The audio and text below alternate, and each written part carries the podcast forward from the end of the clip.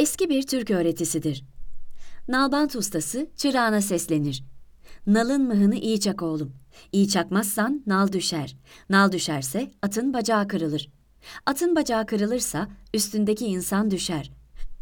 O insan bir komutan olabilir. Lider düşerse harp kaybedilir. Harp kaybedilirse devlet çöker.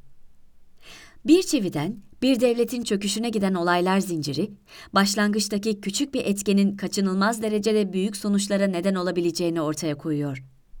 Bu teorinin pratikte yaşam bulduğu bir dönemden geçiyoruz adeta. Eğer şanslıysak, dünya yakın bir zamanda bu güçlü virüsü atlatacak.